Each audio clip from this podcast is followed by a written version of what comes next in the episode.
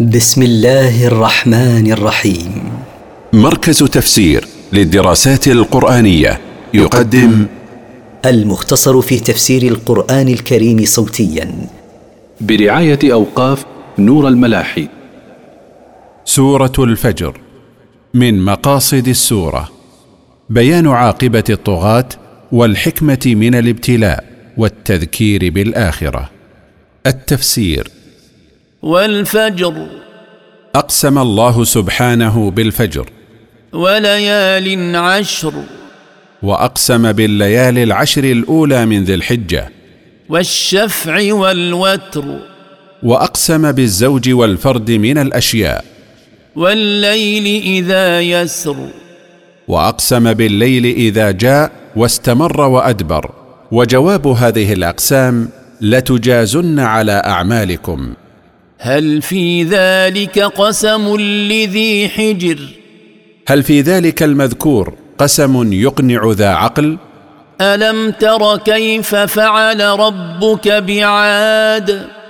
ألم تر أيها الرسول كيف فعل ربك بعاد قوم هود لما كذبوا رسوله؟ إرم ذات العماد. قبيلة عاد المنسوبة إلى جدها إرم ذات الطول التي لم يخلق مثلها في البلاد. التي لم يخلق مثلها في البلاد. وثمود الذين جابوا الصخر بالواد. أولم تر كيف فعل ربك بثمود قوم صالح الذين شقوا صخور الجبال وجعلوا منها بيوتا بالحجر؟ وفرعون ذي الأوتاد. أولم تر كيف فعل ربك بفرعون الذي كانت له أوتاد يعذب بها الناس؟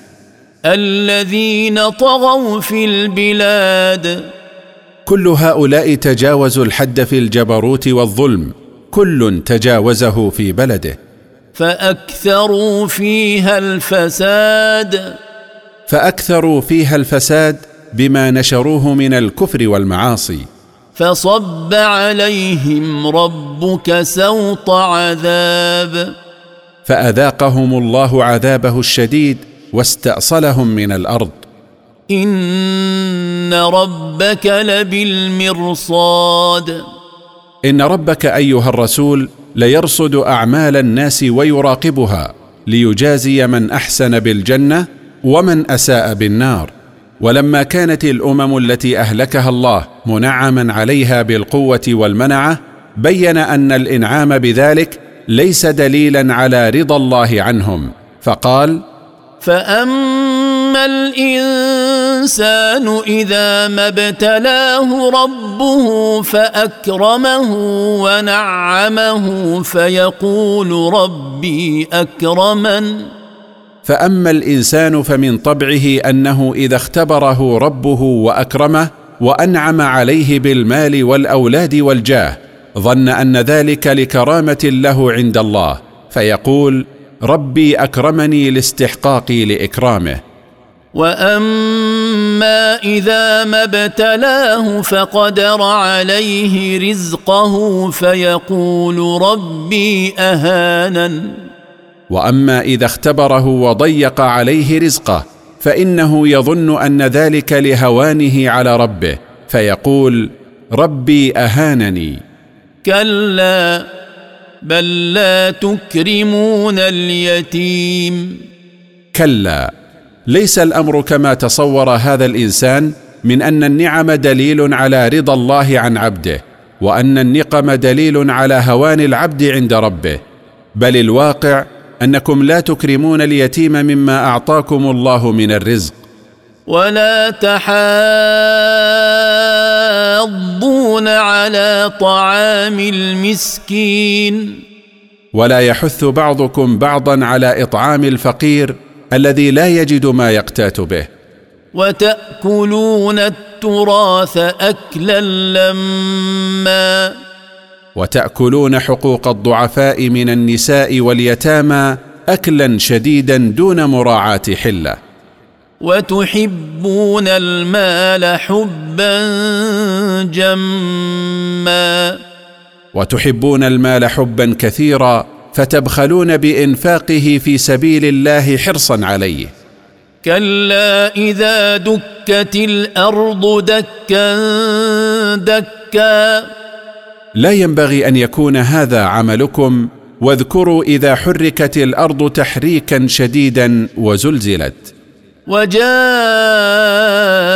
ربك والملك صفا صفا.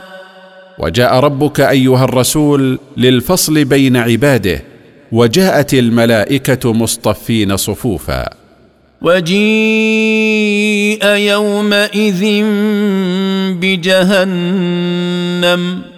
يومئذ يتذكر الإنسان وأنى له الذكرى.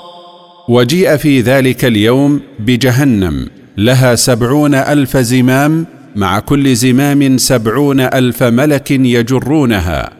وفي ذلك اليوم يتذكر الإنسان ما فرط في جنب الله وأنى له أن ينفعه التذكر في ذلك اليوم لأنه يوم جزاء لا يوم عمل. يقول يا ليتني قدمت لحياتي. يقول من شدة الندم يا ليتني قدمت الأعمال الصالحة لحياتي الأخروية التي هي الحياة الحقيقية. فيومئذ لا يعذب عذابه أحد. في ذلك اليوم لا يعذب أحد مثل عذاب الله لأن عذاب الله أشد وأبقى. ولا يوثق وثاقه أحد. ولا يوثق في السلاسل أحد مثل وثاقه للكافرين فيها. ولما ذكر الله جزاء الكفار ذكر جزاء المؤمنين. فقال يا أيتها النفس المطمئنة. وأما نفس المؤمن فيقال لها عند الموت ويوم القيامة يا أيتها النفس المطمئنة إلى الإيمان والعمل الصالح. ارجعي إلى ربك راضية مرضية. ارجعي إلى ربك راضية عنه بما تنالين من الثواب الجزيل مرضية عنده سبحانه بما كان لك من عمل صالح. فادخلي في عبادي. فادخلي في جملة عبادي الصالحين.